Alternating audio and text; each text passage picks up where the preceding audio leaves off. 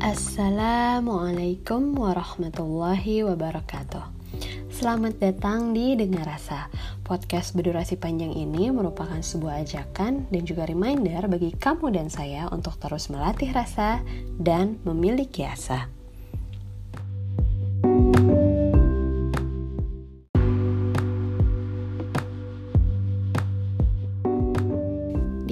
Kali ini saya mengajak teman saya Teti untuk ngobrol-ngobrol seputar pekerjaannya Teti dan juga passionnya di bidang tulis-menulis. Tapi yang saya heran, kenapa ya Teti memilih puisi sebagai media untuk mengungkapkan perasaannya. Meanwhile kan kalau hari sekarang, hari gini sih kita nulisnya ya kalau nggak blog ya mungkin cerita-cerita fiksi atau uh, karangan di thread Twitter gitu misalnya. Ya tapi kita cari tahu aja yuk kenapanya tanpa berlama-lama. Selamat mendengarkan Halo semuanya, sekarang saya lagi sama Tati. Halo, Dea. Wow. Wow, wow. Jadi narsum. Iya. Ini uh, jadi bincang camu di podcast season 2 ini yang uh, kita akan ngomongin tentang gimana sih belajar dari diri sendiri. Sebelumnya mau kenalan dulu dong, Teh. Kita. Boleh wow. kenalin namanya, kegiatannya, apa yang mau dikenalin? Apa kira-kira yang Tati pengen orang-orang juga tahu tentang Teti asik. Asik. Uh, halo semuanya, nama saya Teti Diana. Uh, saya anak dari ayah ibu saya. hmm, sehari-hari saya bekerja sebagai sosial media spesialis. Hmm. Terus ya nulis-nulis di website pribadi, nulis soal perspektif hidup. Udah gitu uh, masih nulis puisi sih karena suka aja uh-huh. kayak kalau berhenti itu ya nggak bisa deh kayaknya uh. begitu terus yang uh, kita pertama kali ketemu hmm. tuh gimana sih lupa tahu ya sebenarnya antara di pustaka lana atau uh, uh. enggak di eventnya cerita perempuan gak sih uh, iya sih kayaknya ya uh-huh. yang tentang apa mental health itu ya mental health mm-hmm. iya, iya. nah satu hal yang selalu diingat dari Teti itu adalah Teti ini masih menulis puisi gitu. Yang lain tuh nulisnya caption Instagram ya tapi ini kamu nulis puisi. Coba bisa ceritain nggak? Gimana kenal puisi? Terus kayak apa sih puisi tuh apa sih kayak orang tuh hari gini gitu puisi? Siapakah uh, yang masih nulis puisi oke gitu? oke okay, okay. sebenarnya uh, nulis caption juga iya. Uh, secara ya copywriter juga. Uh. Uh, tapi memang awalnya itu perjalanan aku suka sama puisi atau menekuni hmm. puisi itu aku tuh sebenarnya nulis diary kayak gitu dari SD sama. Sama ya? Terus udah gitu uh, mulai SMP SMA tapi beneran yang kayak ini tulisan aku mau dibawa jenis apa ya? Gitu. Uh -uh. yang kira-kira bisa menggambarkan rasa waktu itu gitu. Oke. Okay. Tapi setelah dijalanin akhirnya emang karena gagal masuk sebenarnya nggak gagal sih. Jadi awalnya tuh aku pengen masuk sastra. Uh -uh. Terus nggak dibolehin ya, nggak diizinin. Ya udah deh akhirnya ini mana lagi ya yang bisa aku banyak belajar soal tulis menulis. Akhirnya aku masuk ilmu komunikasi, hmm. spesifiknya jurnalis hmm, hmm, hmm gitu. Hmm Nah dari situ Oh aku mau cari seorang jurnalis. Oh jurnalis bodong ini udah beneran yang kayak Takut. Gak tahu. Jurnalisnya udah gak kepake Tapi ilmunya tetap ya uh, uh, uh, banyak sih soal jurnalis dan sebagainya. Uh, uh. Nah terus udah gitu aku mulai konsisten itu dari kuliah masuk 2011 hmm. uh, berarti mulai 2012 2013 tuh aku udah yang oke okay, ini gue harus nulis puisi sih mm -hmm. gitu. Hmm. karena aku menemukan kenyamanan di situ dan menemukan hidup asik eh dulu gitu sebenarnya kan cerpen juga uh. cerpen tuh tulisan terus puisi juga tulisan terus orang juga nulis mungkin uh, cerita apa fiksi fantasi yang gitu-gitu kenapa gitu puisi eh sorry muncrat kenapa puisi nggak akan tahu. Oh iya ya nggak akan dengeran eh nggak kelihatan. Kenapa puisi? Uh, uh, ada apa di puisi? Maksudnya menemukan hidup tuh seperti apa sih gitu? Sebenarnya kalau dulu sih kayak nggak kepikiran ya hmm. nulis puisi itu kayak puisi itu hidup. Mm -hmm. tapi semakin ke sini kan kayak makin tahu kan kenapa nulis puisi. Nah kalau dulu sih kayak ya udah ini tuh tulisan singkat tapi mm-hmm. perasaan aku tuh terwakili gitu. Mm-hmm. dan ternyata makin sini puisi itu bukan cuma ego. Dan itu tuh butuh kesadaran yang tinggi ha. buat nulis puisi. Buat menjadikan kita tuh bukan puisi. Jadi uh, yang nulis puisi itu kan penyair kan? Kalau menurut aku puisi setelah dipublish atau misalnya kayak kemarin aku baru ngeluarin zin yang apa waktu senggang itu ketika itu dibaca orang itu tuh udah bukan Teti Diana. Tapi? Tapi itu sebagai puisi aja puisi sendiri uh... jadi udah bukan aku di situ tapi biarkan orang yang menilai dan uh, melihat perspektif yang berbeda karena kalau misalnya aku bisa bilang kalau buku yang kemarin itu atau zin yang kemarin itu sebagai salah satu usaha kepasrahan aku dalam hidup gitu waktu itu hmm. fasenya hmm. kepasrahan di situ tuh bukan menyerah uh-uh. tapi udah yang kayak oh banyak hal-hal yang ada di luar diri aku tuh yang nggak bisa dikontrol hmm. dan besarnya keinginan aku tuh belum tentu disetujuin sama dunia dunia ini gitu ah iya iya itu iya. salah satu bentuknya sih sebenarnya makanya kenapa kalau dibilang kenapa harus nulis puisi uh, ya karena aku menemukan hidup itu sendiri gitu oh, dan yeah. karena emang uh, aku tumbuh bukan dari keluarga yang terbuka dalam komunikasi hmm. kali ya jadi aku banyak mencerna hal-hal itu dari tulisan aja beneran yang kayak ditulis jadi emang bukan yang kalau misalnya punya cerita terus sharing gitu mungkin orang-orang yang sekitar aku juga bisa ngerasain kalau aku tuh nggak sepencerita itu orangnya hmm. tapi kalau di tulisan aku ngerasanya bisa lebih bebas Ekspresif. aja lebih bebas dan lebih ekspresif gitu. Oh iya iya paham paham. Ya agak Serius agak iya maaf. Tapi maksudnya kayak kayak ini tuh adalah sesuatu yang baru kan buat aku. Karena aku nggak nggak bisa nulis puisi gitu. Terus kayak gimana sih cara Teti nulis sebuah puisi gitu? Misalnya kayak ada kejadian kalau orang cerita tuh gampang ya. Kayak kita ngalamin peristiwa apa ya udah kita ceritain lagi gitu. Terus ya mungkin ada yang dicantik-cantikin dikit bahasanya atau gimana gitu. Kalau puisi kan itu cantik semua ya bahasa. Maksudnya kayak kalau kalau kayak zaman dulu kan suruh ngarang puisi gitu atau SD gitu. Kayak uh, cara bacanya juga kayak oh pahlawanku gitu-gitu kan. Kayak jelas gitu loh. Kalau ini tuh sebenarnya puisi sekarang tuh kan udah udah berevolusi juga kali ya. Mungkin gaya tulisannya apa segala macamnya gitu. Kalau misalnya Teti bisa nyeritain cara Teti bikin puisi itu kayak apa? Uh, duh aku ngerasanya jadi kayak ini ya kayak aku teh lecture. Iya lecture gitu. Cuman enggak, ini cara aku sih ya. uh, iya, iya. maksudnya gimana? Sharing aja. Uh, sebenarnya kalau aku nulis puisi itu karena kalau dulu lebih ke impulsif. -hmm uh, jadi kalau misalnya ngerasain apa gitu tiba-tiba langsung jatuhin ke, hmm. ke puisi gitu ke tulisan terus udah gitu makin ke sini makin sadar kalau riset juga perlu hmm.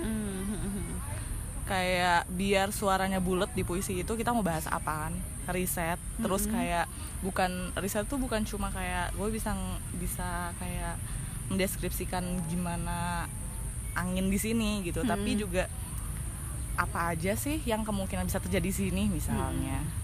Kayak gitu jadi imajinasi juga main imajinasi. bukan cuma kata-kata indah doang dan sebenarnya oh. ngomongin soal kata-kata indah dalam puisi kalau menurut aku nggak semua puisi indah oh, justru gitu. ya okay. tapi tapi itu oke okay sih yeah. sudut pandangnya kalau misalnya puisi indah cuman kalau di mata aku puisi itu justru uh, kayak kejujuran aja jadi hmm. sebenarnya di situ lo bisa ngomong kasar lo bisa ngomong jorok misalnya hmm. benar-benar frontal gitu sebebas itu tapi uh, dari buku-buku puisi yang udah aku baca hmm. justru aku banyak menemukan kalau uh, puisi itu bukan indah tapi tapi puisi itu kejujuran Oh, puisi itu kejujuran. Hmm, ya, karena aku kan sangat keinfluence sama puisinya Wiji Tukul. Oh, iya, kamu pernah cerita juga ya. Iya. itu tuh beneran yang sampai sekarang tuh kayaknya nggak ada deh penulis sorry penyair yang bisa sama kayak apa dirasain sama Wiji Tukul. Tadi itu buku Karena, apa sih yang kamu mau sharing? uh, nyanyian akar rumput itu wiji tukul ya iya itu uh, wiji tukul jadi di sana tuh aku inget banget dulu pas awal masuk kuliah baca buku itu terus minjemnya di kine hmm. gila nih orang caranya bertutur tuh uh -uh. bukan daun jatuh terus kayak keindahan gitu tapi emang beneran ini realitas sosial yang gue alamin ha. jadi dia tuh udah bukan lagi egois tapi udah beneran yang dia mikirin sekitarnya loh padahal hmm. dirinya sendiri pun menderita gitu loh sama hmm. keluarganya atas wow. keberaniannya itu jadi menurutku selain kejujuran ya puisi juga keberanian karena nggak semuanya loh mau berani nulis dan uh, jujur iya soal iya apa pun gitu wow Oke, okay, kalau tadi kan puisi adalah bukan cuma keindahan aja, tapi justru di situ ada kejujuran, ada keberanian. Nah dari sekian puisi yang udah Tati tulis gitu, ada nggak sih yang paling jujur dan yang paling berani? Ini mah nggak nggak ngomongin isi puisinya apa ya, tapi kayak apa sih pengalaman apa sih gitu yang itu tuh jadinya menumpahkan gitu seluruh ini jiwa raga. ini menarik karena aku tuh malah kemarin-kemarin malah aku tuh kemarin-kemarin mempertanyakan gitu puisi-puisi aku. Jadi setelah beberapa tulisan aku yang menurut aku masih sedikit hmm. itu di sana tuh aku ngerasa kayak ini tuh gue jujur nggak ya pada saat itu. Dan ketika membaca ulang bahkan kayak dipertanyakan lagi gitu deh ini tuh gue jujur nggak sih di sini? Apa gue cuma menu, melimpahkan ego gue? Dan ternyata banyak banget yang melimpahkan ego gue di sana ah, ya, ya, ya, ya jadi itu dan itu agak serem tapi uh -huh. ya ya udah berarti emang aku tuh pernah ada di fase itu dan sekarang aku nggak kayak gitu gitu oh jadi, jadi puisi ada, pun berubah berubah berubah banget sih oke okay. bisa bisa lebih ke kanak-kanakan uh -uh. bisa lebih uh, dewasa mungkin hmm. maksudnya dewasa lebih bijak dalam melihat segala sudut pandang gitu. -hmm. hmm. Nah kalau soal yang jujur itu sebenarnya kemarin-kemarin aku baru nulis -hmm. lagi di tangan gitu ini aku kebetulan selalu bawa catatan buku puisiku Oh. Emang aku tuh udah lama banget sebenarnya nggak nulis puisi itu nulis gitu loh di pen pakai pensil atau pulpen. Jadi biasanya sekarang aku akhir-akhir ini edit draft, edit draft gitu. Oh, pakai laptop. Pakai gitu. laptop. Kangen sih dan pas kemarin ngeluarin ini tuh wah gila sih ini gue oh kayak gini ya cuy cuy oh, cuy cuy gimana gimana gimana ini dibacain enggak kan boleh dong oh, kalau misalnya mau aduh aduh aduh. Dipublish deh aduh. firstly publish Mana di ya? podcast aku. Wah gila sih. Ini apa ya? Oh ini. Tapi nanti kalau misalnya aku nggak ngerti aku boleh nanya kan. Oh, jadi boleh. kayak mohon maaf boleh, nih boleh. agak keterbelakangan atau tapi menurut aku tulisanku ini nggak banyak apa namanya nggak banyak pengandaian gitu. Nah, jadi emang okay. beneran yang oh bisa ya nulis kayak gini. Dibacain ini. Iya aku udah lama by the way aku udah lama banget gak baca puisi gak dan apa, udah nggak udah nggak ngerasain gitu loh. Nanti gak sih kayak ngerasain lu baca sesuatu gitu loh dek? aduh ini kan adalah uh, ini tulisan kamu gitu saya aku pengen dengar boleh boleh. Ini tuh terakhir aduh kayaknya semingguan lalu deh. Uh. ih malu. Berpuisi di hijau-hijau wow, ini wow. seru tahu. Uh, judulnya halaman terakhir. Hmm. Apakah aku mampu menyelesaikan tulisan-tulisan tentangmu? Di antara kehidupan dan kematian, aku di sana. Mencoba menapaki tulisan agar hidup. Jika beruntung, kau akan jadi pembacanya. Setiap kalimat menghidupkan kembali kita. Tetapi aku percaya, cinta memiliki masa kadaluarsa. Kau tidak perlu memaksa, biarkan tulisan tentangmu mengabadikan dirinya. Setidaknya pada pergantian rima yang menyembunyikanku, kau selalu berharga. Oh, eh maaf. Meski kau tengah berubah, sementara cinta tak lagi menyala, menuntun tulisan ini bernyawa. Oh. Apakah tulisan tentangmu menjadikan kau hidup lebih lama? wow dia orang pertama yang mendengarkan. Yeay kalian semua beruntung mendengarkan puisi Teti yang pertama wow. ini. Ya uh, baru saja seminggu yang lalu dibuat. Jadi kalau misalnya bisa cerita Teti ini tuh prosesnya gimana terus apa menguras tenaga seberapa banyak apa yang dirasain gejolaknya. Terus misalnya kan kayak ini mungkin menggambarkan sesuatu ya pasti mu itu kan kayak kamu gitu. Terus kayak apa ya berarti kan ini menyampaikan sesuatu sebenarnya untuk sesuatu juga. Nah jadi kayak curhat dong. iya bisa jadi sebenarnya. Tapi kan nggak tahu nih kamunya bisa orang bisa apa kan aku juga nggak ngerti. Mungkin bisa diceritain itu hmm, sebenarnya tulisannya itu antara tadi kan aku bilang mm -hmm. soal mempertanyakan lagi mm -hmm. tulisan-tulisan aku gitu kan deh ternyata uh, mungkin ada beberapa puisi yang setelah aku baca lagi puisi aku sendiri kayak jir tet ini lo bohong banget. Lo kayak pura-pura baik eh, kayak pura-pura tegar gitu loh. Tapi enggak ternyata tuh se lu tuh bisa kok serendah itu sejatuh itu tuh nggak apa-apa.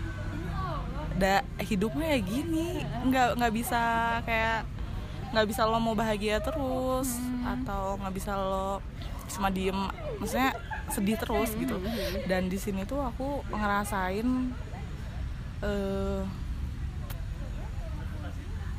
jadi itu sebenarnya emunya tuh cowok. Uh, uh, gitu jadi aku tuh di sini ada problem soal mencintai dan dicintai gitu. Ah, ah, ah, dan aku kemarin eh, kemarin-kemarin saat nulis ini dan perjalanan sebenarnya ini nggak nguras tenaga sih dek. Hmm. tapi lebih nguras uh, mental emosi gitu loh hmm. jadi keras aja ngaruhnya ke aktivitas ke fokus hmm. terus beneran yang ini gue kenapa sih ini aku hmm. kenapa sih gitu tapi ketika si tulisan-tulisan yang udah dikeluarin itu gimana fokusnya jadi lebih yeah. fokus atau gimana betul betul jadi setelah aku nulis ini hmm. aku ngerasa da aku teh nggak perlu menyelesaikan semua masalah hidup gue gitu hmm. karena karena banyak yang nggak bisa di nggak bisa aku kontrol bahkan luar, luar bahkan kan. perasaan aku perasaan siapa pun itu gitu oh. jadi ini tuh beneran yang kayak gue tahu gue tuh merasa bukan merasa gue pernah beberapa kali tidak dicintai. Hmm. gue merasanya seperti itu. Tapi ternyata sebenarnya enggak kok. Gue mencintai diri gue sendiri kok. Wow. Dan di sini tuh kayak ada kelegaan aja. ha, ha, ha. kelegaan dalam udahlah Ted. Hmm, uh, cinta tuh banyak gitu. Hmm. yeah, kasih yeah. tuh banyak. Bahkan sebenarnya mungkin yang bisa nular itu cuma diri sendiri. Yang apa? Yang bisa nularin wow. energinya gitu jadi uh, ketika aku beres nulis ini aku baca ulang lagi aku baca ulang lagi aku ngerasa bangga aja sama diri aku sendiri wah ya sih karena hmm, antara aku lega uh-huh. dan aku kuat gitu dan ya udah uh, keep going aja keep moving, keep moving ya. nggak apa-apa kok nggak apa-apa okay. tapi memang harus melewati apa-apanya dulu uh, gitu. uh, uh, uh, buat nyampai di titik di titik apa ya kayak menerima gitu nggak sih dek? Iya. Iya menerima gitu. iya, iya, iya. karena yang ini tuh, tulisan ini tuh berarti part mengakui ya? Part mengakui. Mengakui ya? Mengakui kalau ya da kita tuh lemah. Iya kita tuh selemah itu dan ya udahlah masa lalu mah emang sih kita terbentuk dari kayak masa lalu masa lalu hmm. Tapi udah ada dalam diri aku tuh semacam nggak lu tuh boleh move asal lu udah damai dulu gitu lu hmm. udah bisa nerima semuanya dulu hmm. kalau udah ya kayak gitu lo nggak akan deh uh, menyamakan misalnya gue punya trauma apa hmm. gitu mungkin sedikit ke bawah hmm. dan pasti sih itu pasti bakal tetap ke impact hmm. cuman lebih penuh welas kasih aja hmm. da kita teh pernah banyak ditempatkan di posisi-posisi yang kita nggak terima gitu entah itu di ada penolakan entah itu di ignore atau banyak lah banyak hal ada sebenarnya yeah. hidup penderitaan sih Oke, okay, hidup penderitaan itu itu kuat banget ya. Hidup tuh iya sih, penderitaan juga kan. Tapi kayak apa sih yang bikin uh, gimana ya? Teti ngerasa bahwa puisi ini tuh adalah sebuah proses pencarian akhirnya tahu ini puisi adalah uh, apa ya cara yang cocok. Atau misalnya Teti udah nyobain banyak dan akhirnya memutuskan buat puisi gitu. Hmm. atau atau langsung atau langsung sorry tadi yang kedua kok itu sama aja ya? Iya. uh, pencarian sorry pencarian. Jadi nyobain banyak dulu terus ini dapat puisi nih. Atau emang kayak dari awal ya udah gue udah, udah nemuin puisi satu yang cocok sama gue ya udah itu aja gitu kalau dibilang pencarian enggak sih hmm. soalnya emang basicnya suka nulis diary dan hmm. oh kayaknya puisi adalah hal yang tepat dan hmm. ngalir aja gitu dengan ah, sendirinya ah, ah, kalau aku nulis cuman mungkin uh, permasalahannya di sini itu uh, ada di tingkat kesadarannya sih menurut aku hmm. jadi tingkat kesadaran ketika kita menulis gitu loh deh uh, banyak nggak mungkin puisi itu terlepas dari ego hmm. si penulis dong. Tapi mungkin di sana ada apa ya kayak semacam hal-hal yang nggak bisa semuanya soal perasaan. Gimana tuh? Nggak ngerti. Jadi kayak misalnya uh,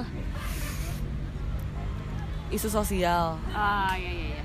itu tuh sebenarnya kita bisa loh melebihi batas ego kita uh-huh. buat nggak selalu menulis perasaan tapi lo juga riset soal perasaan lo uh. dan risetnya itu misalnya bisa di apa dibantu sama misalnya dari segi psiko, psikologisnya uh. atau dari segi apa ya uh, politik misalnya uh. atau latar belakang gitu jadi aku sih sekarang uh, kalau ngejawab itu nggak bukan pelarian sih bukan pelarian bukan juga pencarian tapi memang ini aku emang di sini sih oh kamu emang di sini aku emang di sini okay. aku emang bahkan sampai ngaruh ke kerjaan aku kan uh -huh. kerjaan aku pertama kali kan copywriter uh -huh. terus sekarang sosial media spesialis itu juga masih ada hubungannya sama menulis gitu ya berarti kamu bisa kalau misalnya kamu bisa uh, bilang diri kamu seorang penulis bisa nggak uh, itu biar orang lain yang ngeklaim uh. kalau aku hanya manusia biasa uh. yang suka menulis suka menulis uh. betul Oke, okay. terus tadi kan menarik. Berarti tadi udah kayak enggak, aku tuh emang udah di sini aja gitu. Nah, berarti kan udah banyak banget nih karya tulis segala macam dan pelajaran apa sih yang Teti dapetin dari seluruh wow. proses uh, proses untuk sampai bisa bilang e, nggak gue tuh emang di sini gitu. Ini tuh Aduh, ini tuh adalah gue iya tapi iya, iya, iya. tapi apa gitu yang Tati dapetin? Uh, Tati bisa belajar apa dari diri Tati sendiri? Oke okay.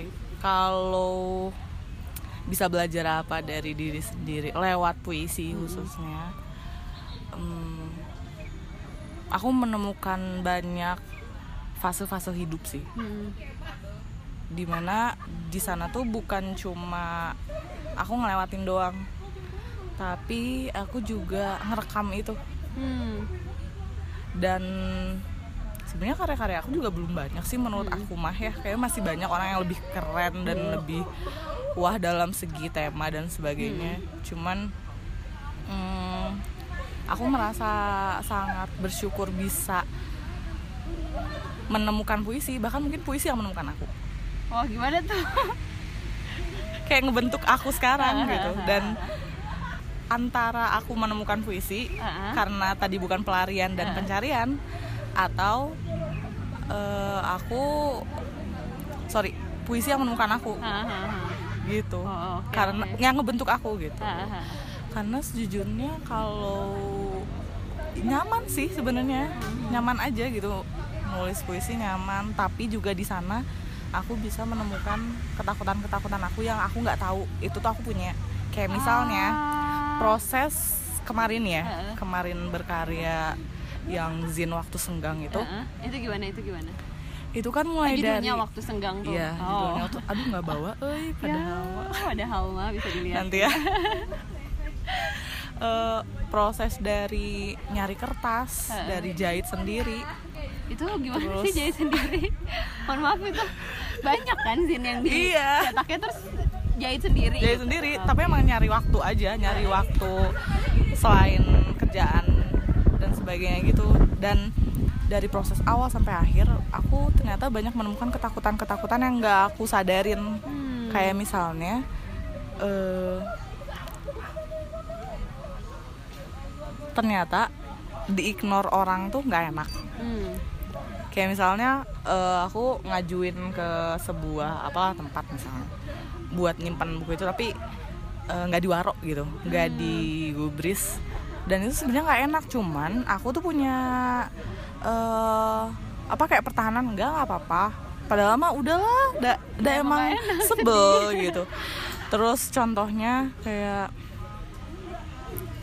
uh, oh ya nanti uh, misalnya kayak teman baca nih ya kasih review dong. Kayak gue kan pengen tahu kritik sarannya gimana. Karena emang itu kan yang aku butuhin kritik sarannya. Lo mau uh, kasar-kasar juga nggak apa-apa gitu. Yang penting nggak di nggak didiemin tapi oh ada aja yang ya udah gitu. Jadi aku tuh di puisi juga menemukan banyak diri aku part diri aku yang lain sih dek.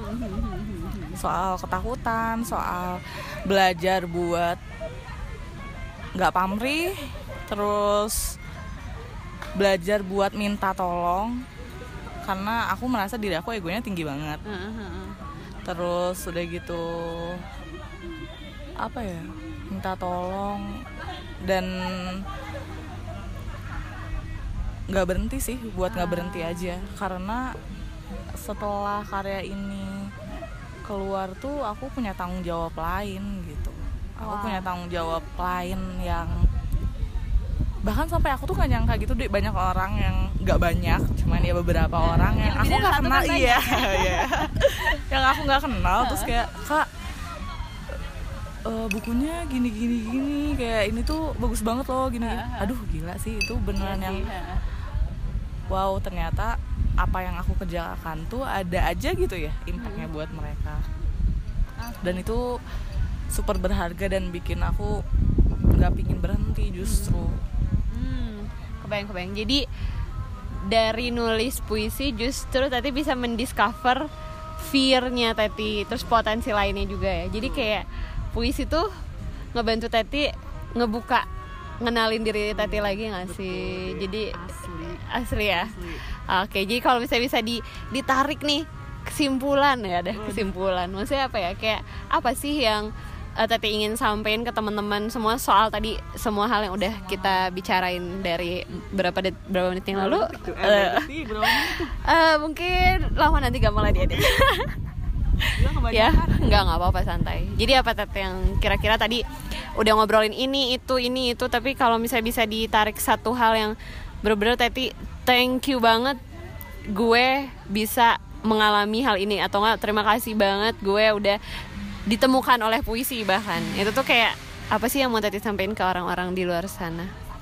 Ngomongin soal ini sih keberanian sama kejujuran hmm. itu sendiri. Karena ketika kita banyak takut terus mikirin pendapat orang gitu nggak nggak jarang kok banyak teman-teman lingkungan aku sekitar aku yang bilang tet lu galau terus deh. Karena puisi. karena ya karena puisi. Mereka tuh uh, ya aku juga nggak bisa menyalahkan uh. sudut pandang seperti itu ya gitu tapi alangkah lebih baiknya mereka juga tahu banyak puisi yang memang itu tuh hidup sebenarnya hmm. soal hidup soal perjuangan soal keberanian soal kasih sayang mulas kasih soal kenusantaraan kebangsaan dan itu tuh hal hal-hal yang menurut aku sih dimulai dari keberanian bahkan nulis sekecil nulis di caption Instagram lah deh gitu. Ha. itu tuh awalnya dari keberanian aja. Ha. dan buat ngukur itu jujur atau enggak diri lo kok yang tahu. Jadi nggak usah kalau menurut aku sih kayak kita nggak nggak perlu terlalu fokus sama orang omongan orang soal kita sih. Itu bakal ngikutin sendiri. Ya sih soalnya ya pengalaman aku itu yang ya ya menjadikan aku sekarang. Justru aku sangat berterima kasih dengan semua itu. Karena uh, aku banyak improve banyak uh, banyak belajar dari situ gitu. Oke jadi tadi menarik banget. Jadi puisi itu tentang keberanian dan kejujuran juga ya. Terus kayak kalau keberanian ya lo baru berani nulis caption Instagram juga nggak apa-apa tapi kalau kejujuran itu bukan urusan lo sama orang lain tapi urusan lo sama diri lo sendiri ya. Lo jujur iya, atau enggak soalnya soalnya sekarang kejujuran udah bias nggak sih? Iya kayak apalagi dengan era media sosial gitu. Kejujuran dan udah branding. dan personal branding bla bla bla bla bla. Wah turunannya. Wow. ya udah itu soal masing-masing aja. Ya terserah lo mau kayak gimana. Jadi ya itu sih menurut aku deh. Iya serius wow. Wow. Terima kasih deh. Terima kasih tadi sudah mau memenuhi undangan di Wasagi dan mengeluarkan tadi ya. Wah, ini uh, puisi puisinya. Iya, maaf ya okay. kalau tidak suka. Eh enggak sih, nggak apa-apa. Kalau nggak suka urusan dia sama iya. dirinya dia sendiri. Betul, betul, ya. betul, betul. ya terima kasih teman-teman semua udah dengerin. Semoga bermanfaat. Ya, sampai benar, ketemu. Semoga bermanfaat sih. Iya, yeah, sampai ketemu di episode uh, selanjutnya. Bye bye. Dadah. Dadah, dadah.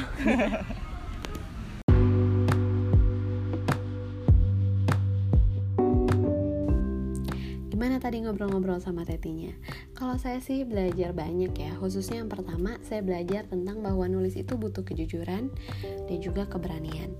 Dan yang terakhir ya, ini mungkin menurut saya part yang paling penting adalah ketika Teti bilang bahwa dulu-dulu sih aku nggak riset, tapi kalau sekarang aku riset.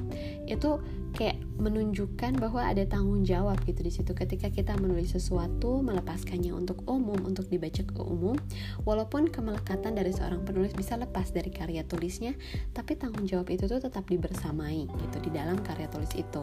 Sehingga menurut saya tanggung jawab dalam menulis itu penting. Jadi buat teman-teman semua yang emang hobinya tulis menulis mungkin tadi yang pertama kita harus belajar jujur belajar berani dan belajar bertanggung jawab.